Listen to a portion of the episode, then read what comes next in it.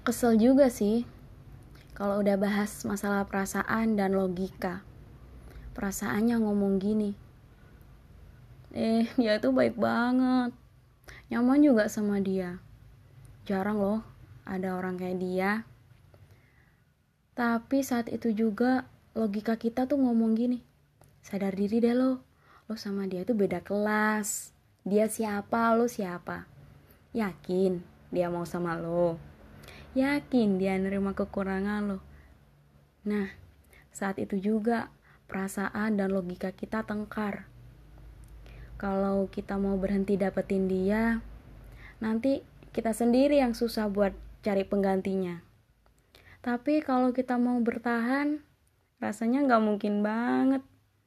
Jadi sering perasaan itu kalah sama logika. Dan ini keseringan terjadi pada laki-laki sih. Mengapa? Karena cowok itu 99% logika dan satu persennya itu perasaan. But sometimes ada saatnya logika itu mengalah dari perasaan. Jangan terus menuruti apa kata logika. Nanti perasaan kalian yang akan terancam. Ya, meskipun perasaan itu terkadang gak ada apa-apanya. Tapi kalau buat cewek, yang mana perasaannya itu lebih besar daripada logika. Dan itu buat para cewek, dikit-dikit berperasaan, dikit-dikit baper.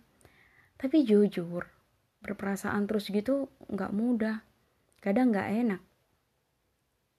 Mengapa? Logikanya tuh gampang hilang gitu loh. Apalagi kalau udah menyangkut masalah hati ataupun cinta. Hmm, susah buat dikendalikan. Karena ujung-ujungnya udah yakin sih kalau logikanya bakalan kalah. Jadi saat umur sekarang ya pintar-pintar aja menyetarakan antara logika dan perasaan. Begitu.